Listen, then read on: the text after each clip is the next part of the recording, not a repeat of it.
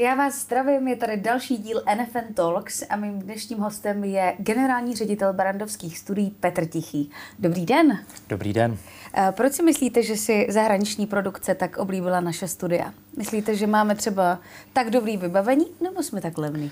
Já si myslím, že zahraniční produkce si nejenom, že oblíbili naše studia, ale oni si oblíbili Českou republiku. Totiž nelze říci, že zahraniční filmaři přijíždějí do České republiky jenom kvůli Barandovu, ale je to kvůli kompletní infrastruktuře, která tady funguje. Bavíme se o tom, že Praha je neuvěřitelný tahoun, dá se říct. Česká republika je velmi bezpečné místo, nabízí nádherné lokace, místa, kde se dá natáčet, ať už interiéry či exteriéry. A pokud ještě funguje, dá se říct, infrastruktura filmová, filmařská, kam patří samozřejmě Barandov Studio, no tak pak je to samozřejmě značka Ideál.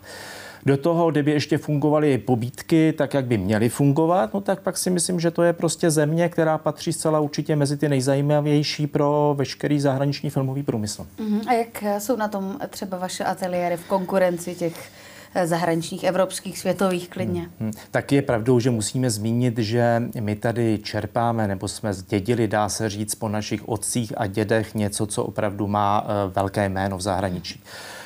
Eh, filmové studia, studia patří mezi jedny nejstarší v Evropě, dá se říct, že jenom Babelsberg je v Berlíně, ty starší. Eh, dá se říct, že ta vybavenost nebo ta velikost, množství ateliérů eh, je celkem zajímavá i atraktivní pro velké produkce ale e, myslím si, že zcela určitě je důležité říci, že především ta znalost a dovednost a to know-how těch lidí, kteří pracují ve filmovém průmyslu, skutečně patří mezi světovou špičku. Takže to je něco, co je, myslím, nejvíce atraktivní. Dneska asi už každý dokáže si postavit ateliérové zázemí. To je to nejmenší. Myslím si, že mnohem důležitější je a tam, kam eh, směřuji, je nabídnout eh, něco specifického, speciálního. Barandov má vynikající stavu dekorací. Mm-hmm. To si osobně myslím, že je asi ten největší tahoun. Když se podíváte i na projekty, které jsem v posledních třeba i deseti letech směřovali nebo i předtím, tak jsou to většinou projekty zaměřené, které potřebují výraznou stavu, postavit něco originálního, specifického. A e, i poslední leta, ať už to jsou projekty jako je Wheel of Time, Carnival Road, to jsou fantasy seriály, tak zcela určitě těžili primárně ze stavby dekorací u nás na Barandově. Mm-hmm. Vy jste zmínil, že je tam mnoho studií. Jak velká je vlastně rozloha barandovských ateliérů? Tak e, my se, dá se říct, že se dává tadyhle u nás u 13 ateliérech. Mm-hmm. Ta většina z nich je tady na Barandově, z toho ještě teda máme malé zázemí v Hostivaři, to využívá primárně televize Nova pro svoji seriálovou výrobu ale ty větší ateliéry jsou všechny umístěny zde na kopci.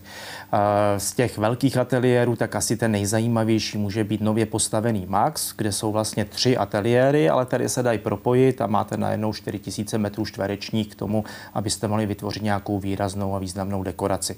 Myslím, že jeden z nejposlednějších takových nejzajímavějších projektů třeba v tomto ateliéru byl, Snow, uh, byl Snowpiercer. Mm-hmm. Uh, vy jste zmínil už uh že samozřejmě díky historii tak eh, lidé ví o barandovských studiích, ale jak eh, obecně se zahraniční produkce vlastně dozvídá o existenci barandovských studií? Eh, tak naštěstí, jak říkám, díky té kontinuitě. To znamená, že samozřejmě ty projekty se příliš nezastavovaly a samozřejmě i když tady byla určitá mezera, nebo když si vzpomenu na to, když jsem nastupoval zhruba před já nevím, 12 lety na Barandov, tak to bylo prázdno. Bylo to jenom z jednoho jediného důvodu a to je, že jsme patřili mezi málo zemí, které neuznávali nebo kde nefungovaly filmové pobídky, nebyly zřízeny. Mm-hmm. To znamená, většina těch projektů, které předtím zde byly realizovány, se přesunuly do míst nebo zemí, kde tyto pobídky existovaly. Primárně třeba Maďarsko se vlastně tím letím, nebo tam vzniklo jedna z největších eh, konkurenčních jakoby, možností pro zahraniční filmaře jakoby se uchýlit, když teda Praha nebo Česká republika nebyla schopná nabídnout něco podobného. No a e, jinak je to samozřejmě to, že my jsme aktivní nadále na všech, dá se říct, velkých filmových trzích. To znamená, třeba teď jsem se vrátil z MIPCOMu, předtím probíhá filmový festival v Cannes, e, za nedlouho odjíždím na American Film Market, kde ve v podstatě se scházím s filmařema a povídáme si nadále o možnostech natáčení v České republice.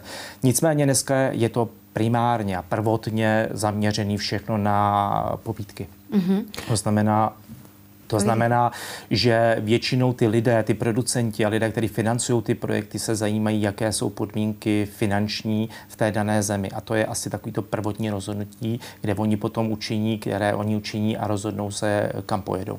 Uh-huh. Je větší zájem teďka u zahraniční nebo domácí produkce? Barando Studio je obrovský kolos, to znamená, e, samozřejmě my bychom bez zahraničního filmového průmyslu nebyli schopni vůbec existovat a přežít.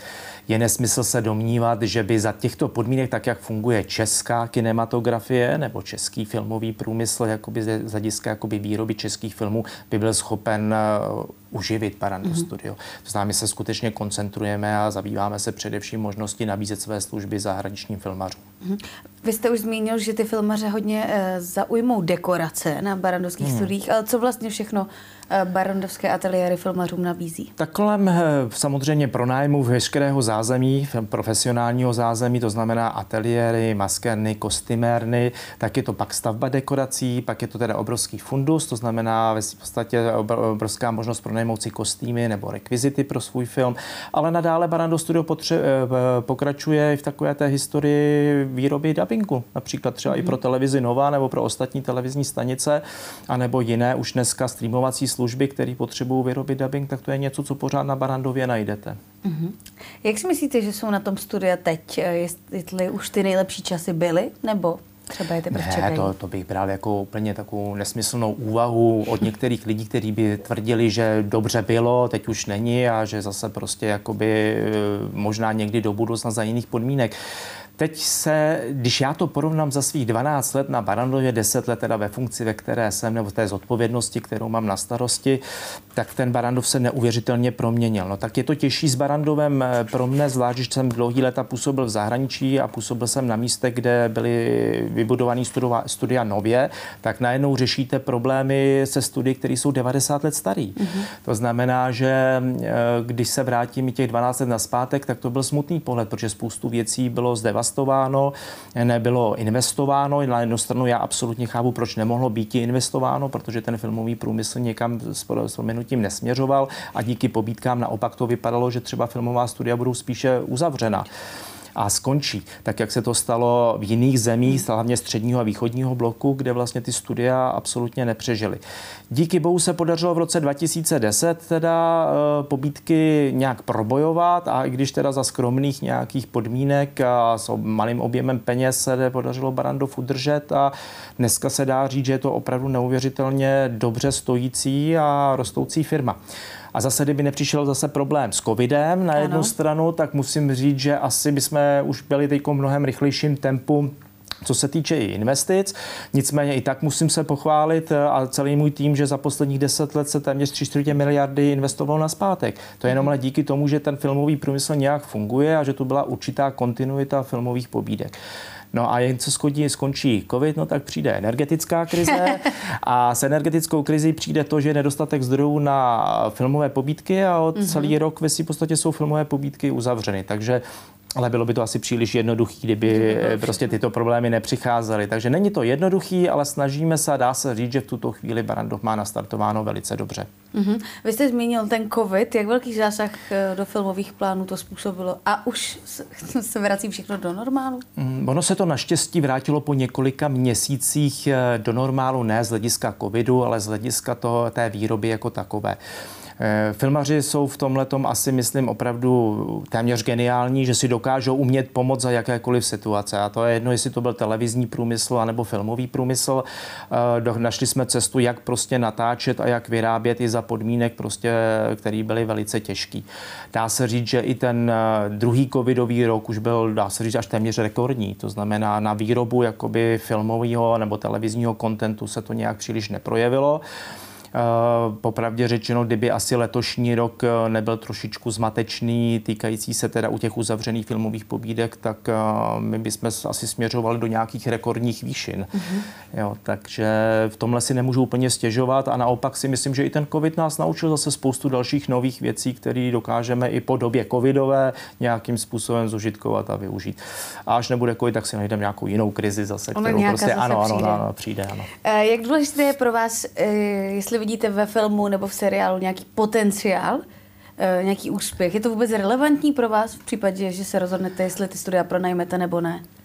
Eh, tak co se týče jakoby pronájmu, tak eh, ano, jsou určité specifické žánry, které asi bychom tam nechtěli vidět a nechtěli bychom tam natáčet. jako třeba? Eh, to nebudu asi tady definovat, myslím, že každý divák je celé, si dokáže domyslet, o čem se tady bavím, ale jinak příliš v tomhle tom nediferenciujeme, nerozdělujeme, jakoby, co je pro nás výhodný nebo nevýhodný. No samozřejmě já primárně vyhledávám projekty, které jsou historického žánru nebo mm-hmm. fantasy žánru, protože to je tam, kde dokážu vlastně uplatnit tu svoji schopnost mít tu geniální dekoraci a postavit ji a to je z hlediska tržeb, zisku samozřejmě pro mě to nejzajímavější. Pro mě nejméně zajímavé jsou projekty současnost a mm. psychologický dramata, no tak samozřejmě, no tak co postavíte byt a v ateliéru a tím jste skončili. Takže ano, směřu a vyhledávám určitý specifický projekty. Ale jinak si myslím, že v tomhle tom jakoby příliš neděláme nějaký rozdíl a zároveň, když jsou takový ty určitý prázdnější období časový, tak jsme rádi třeba za reklamní průmysl, mm-hmm. který se k nám zase vrací jakoby a využívá ateliérovou plochu a tam určitě je úplně jedno, o jaké projekty se jedná. Mm-hmm. A je nějaké prostředí, které se u vás jako v ateliérech vytvořit nedá? Já si myslím, že ne. Ale může mě někdo přesvědčit někdy. Takže ještě se to nestalo. Takže se ještě nestalo, že bychom nedokázali splnit uh, někoho sen. Jakoby. Tak to je taková ta Dream Factory, to byl jeden ze sloganů Barandov Studia, který my máme také, že my plníme vaše sny a myslím, že se nám to vždycky podařilo, ať už to bylo jakkoliv komplikovaný. A konec konců nesmím zapomenout na to, že taková ještě perlička tohohle eh, studia je, když to porovnám, ať už s Činečitou nebo s ostatními eh, studii v Evropě, je, že máme nádherný backlot, na kterým se dá stavět úžasná vlastně jakákoliv dekorace a vy v Bačkorách přebíháte mezi ateliéry a mezi vlastně jakoby venkovní dekorací, která je postavená na pozemku. Takže myslím, že i geniálně bylo vymyšleno tenkrát, že se postavili ateliéry zde na tomhle kopci. Tom kopci. A pořád to zatím funguje. Uh-huh. Pracujete třeba na nějakých novinkách, které chystáte pro filmaře? Eh, novinky, já bych byl hrozně rád, kdyby se nám konečně podařilo doopravit všechno, co je zapotřebí doopravit. Teda máte investice směřují tímto směrem. Eh, byly připraveny investice na nové dva ateliéry, protože ta poptávka byla obrovská, nicméně to bylo těsně před covidem a teď zatím ve své podstatě jakoby čekáme, jak se bude vyvíjet filmový průmysl, dá především v souvislosti s filmovými pobídkami, protože mm-hmm. tam teda zatím zaspáváme celkem razantně. Eh, je tu zapotřebí dořešit spoustu dalších věcí pro tu infrastrukturu, od parkovacího domu, dopravní infrastruktura, to je tragédie v tuto chvíli pořád tady u nás na Barandově. Takže to jsou takové ty prvotní investice, které kam směřují. No a pak samozřejmě můžeme se povídat, že asi povídat o tom, že do budoucna v ateliérech už se přestane asi klíčovat na modrou a zelenou a mhm. začne prostě do toho vstupovat více eh, jiná nová moderní technologie, která zatím je drahá, ale postupem času se bude zlevňovat a filmaři třeba budou vyžadovat. No nevím, jak dalece to bude, že použiju výraz sexy teda zase pro eh, filmaře v tom, že budou hrát před obrazovkama a už nebudou tolik cestovat a nebudou jezdit na lokace, protože veškeré eh, vlastně lokace budou přijíždět do, do těch hal, do ateliéru hmm. prostě hmm. a budou tam promítány na ty obrazovky. Ale pamatuju si sám na filmové škole, mě kdysi všichni tvrdili, že za chvilku nebudeme potřebovat ani herce, že to všechno bude samozřejmě vyrozený ve virtuální realitě a 3D a všechno. A postupem času eh, stárnu a stárnu a pořád dá se říct, ten filmový průmysl jede v nějaký šlepích, hmm. který jsou prostě zavedený a který fungují. Takže se toho nebojíte? Eh, no ne, že se toho nebojím, jako já teď spíš si myslím, že se toho možná ani nedožiju, až takový ty všechny fikce, který, o kterých se mluví, že prostě jednou to dopadne takhle, nebo že se bude natáčet tak jiným způsobem, tak ono eh, je to přece jenom celkem pomalejší postup, mm-hmm. není to tak úplně rychlý. Vy jste i členem správní rady ve filmové nadaci, jestli se nepletu. K čemu vlastně je filmová nadace? Tak filmová nadace je popravdě řečeno další počin Barandov studia, kde se snaží podpořit tu českou kinematografii, český filmový průmysl v tom, že tentokrát jsme si vybrali eh, skupinu scénáristů, mm-hmm. kterým bychom hrozně rádi pomohli se vůbec nějakým způsobem prosadit na trhu. Takže nadace vznikla na podporu nově vznikajících scénářů. Eh, v nadaci máme dvě kategorie.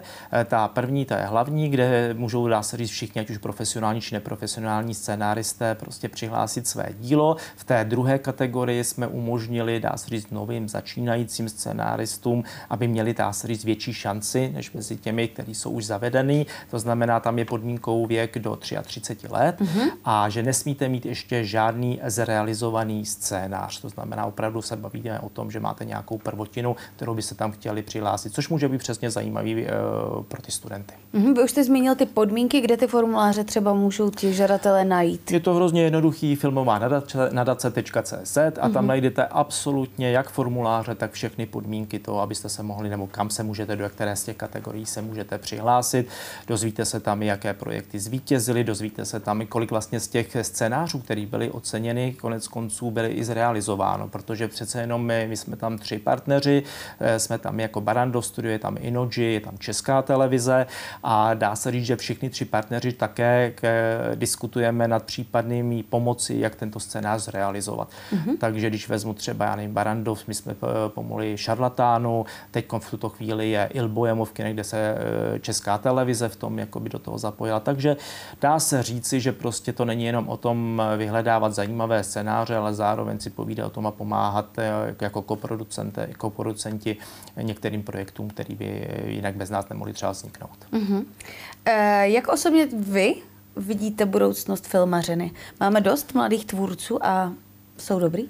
Eh, určitě ano. Já si myslím, že především eh, to není ani tak o tom, kolik máme filmařů, ale kam se posouvá divák. Mm-hmm. Jo, já myslím, že i my jako Barano Studio samozřejmě podporujeme především projekty, kde se realizují filmaři a pro tu festivalovou tvorbu. Tady, že to má nějakou větší výpověď nebo mm-hmm. nějakou větší hodnotu, kterou bychom chtěli spíš jakoby sdělit na té festivalový, jakoby v, té festi, v tom festivalovém světě. Nicméně pak je tu spoustu producentů, režisérů, kteří jsou schopní reagovat na to, co divák chce Eh, žít z toho, vytvořit z toho biznis, protože pořád to biznis je, filmová výroba tak musí být i postavená. No a záleží na to, jak, jak drahý projekty to budou a jak dalece se dají uživit eh, v těch českých kinech. No tak jsme prostě malá země, tady si filmaři tleskají, pokud mají 80 eh, tisíc diváků nebo 100 tisíc diváků, tak samozřejmě, když se potom díváte, ale zase na jiný země, který mají více diváků, tak je to prostě jinak zase postavený. Takže v těch číslech finančních pak musíte přemýšlet, no tak ale můžu točit možná film jenom za 20 milionů korun nebo za 30 milionů korun, aby jsem z toho dokázal žít mm-hmm. a něco ve v podstatě vymýšlet dál, což na jednu stranu můžete brát jako škodu. Já spíš vyhledávám ty projekty a zajímají mě, které teda už rozpočtově se pohybují i v té české kinematografii kolem 80 milionů a výše. Mm-hmm. Jsou to většinou projekty, které se věnují nějakému historickému tématu. Eh, jsou to projekty, které cílí i na diváka festivalového. Uh-huh. Co vás naposledy zaujalo z české filmové tvorby? Já musím říct, že nejsem tak, že bych byl teď v tuto chvíli nadšený, nicméně musím říct, tak teď do kým přichází El Boemo. Mm-hmm. Tak je to i film, který jsme nominovali za Českou republiku na Skory, tak zcela určitě bychom mu měli jako divá, diváci dát šanci jít se na něj podívat. Zcela určitě zajímavý počin může být Jan Žižka, mm-hmm. který je teď v kinech. Já, jak říkám, jsem teď hodně zaměřený a závidím Polákům. Myslím, že polská kinematografie mě neuvěřitelně oslovuje. A ať už to je mladý režisér Komasa, ať už to je Pavlikovsky, ať už tam je prostě jakoby větší skupina takových nějakých režisérů, který se pouští asi do takového typu kinematografie, který mě ve mně vyvolává více emocí, tak prostě bych byl hrozně rád, kdybychom se nějakým směrem posouvali tam. Mm-hmm. Ale to neznamená, že tu ty lidi nejsou. Oni tu jsou. Zcela určitě si myslím, že obrovský problém je za, ve financování české kinematografie, ale to není otázka jenom na Barando Studio, jako vy, tak my se snažíme participovat a pomáhat. Já vždycky říkám, říkal jsem to politikům, protože to je především i politická otázka, že pokud mě někdo jako Barando Studio umožní eh, dělat ve filmovém průmyslu, rozvíjet se, investovat, tak zcela určitě jedna z investicí je i být koproducent v české kinematografii. Mm. Ale jak říkám, pokud nebudou fungovat pobídky, a pokud ten systém nebude ve své podstatě fungovat tak, jak eh, bychom potřebovali, tak uh, tam já pomoci nemohu. A pak teda česká kinematografie bude primárně závislá buď na televize, česká televize v tom se hrá velkou roli, anebo na fond kinematografie. A je otázka, kolik těch zdrojů skutečně ve fondu kinematografie je, jestli to je dostačující množství na to, aby se to přerozdělilo mezi všechny ty projekty, které by chtěly být zrealizovány. Mm-hmm. Mají to v Polsku vyřešený lépe? Eh, myslím si, že tam i jejich financování a jejich fond má asi větší zdroje. Myslím si, že samozřejmě, ale zase bavíme se o jiné zemi s větším počtem eh, jakoby diváků potenciálně. To znamená, asi ty producenti dokážou vydělat eh, větší peníze. Jestli to mají jednodušší, no nemají. Oni tam je zase komplikovanější politickou situaci. Jakoby myslím, že spoustu věcí je cenzurováno. Nedivil bych se, kdyby za chvilku někteří, politi- někteří politický, někteří polský režiséři nebo producenti raději vyráběli v České republice. Mm-hmm. My no. máme takovou otázku na každého hosta, který sem přijde, hmm. a to je, jak vidíte budoucnost televize? Tam je otázka, co si představujete pod pojmem televize. Ale jak to říkám, pokud, se, pokud to beru tak, že mm, pokud provozovatelé terestrického televizního vysílání budou reagovat na to, co se děje na trhu, to znamená, budou připraveni na dobu streamingu a video on demand a různých takovýchhle servisů, které ve svým podstatě začaly existovat, tak asi přežijí. Popravdě řečeno, eh, my jako, eh, dá se říct, asi moje generace, asi v velké části ještě na televizi, na tom klasickém vysílání přežívá, dokáže žít. Nicméně, když beru i generaci mojich dětí, tak eh, to jsou už, dá se říct, generace, které jsou absolutně postavené na streamovacích hm. službách, ale dokonce i tak, že už ani neřeší, že my tady filmaři natáčíme 4K, 8K, 12K a Bůh ví kolik K za chvíli, protože většinu pro, projektů sledují na mobilech. Takže to jako někdy to já pláču a říkám si, proč my jsme to natáčeli, proč my jsme to vyráběli, když ve v podstatě nový divák, nová generace už prostě má trošku jiné návyky a někam jinam bude směřovat. Takže je hrozně důležité reagovat prostě zase opět na to, co se děje v té struktuře těch diváků. A pokud tohleto televize dokážou, tak přežijí, pokud ne, tak prostě budou živořit anebo zinou. tak já vám každopádně moc děkuji, že jste přišel a to byl Petr Tichý.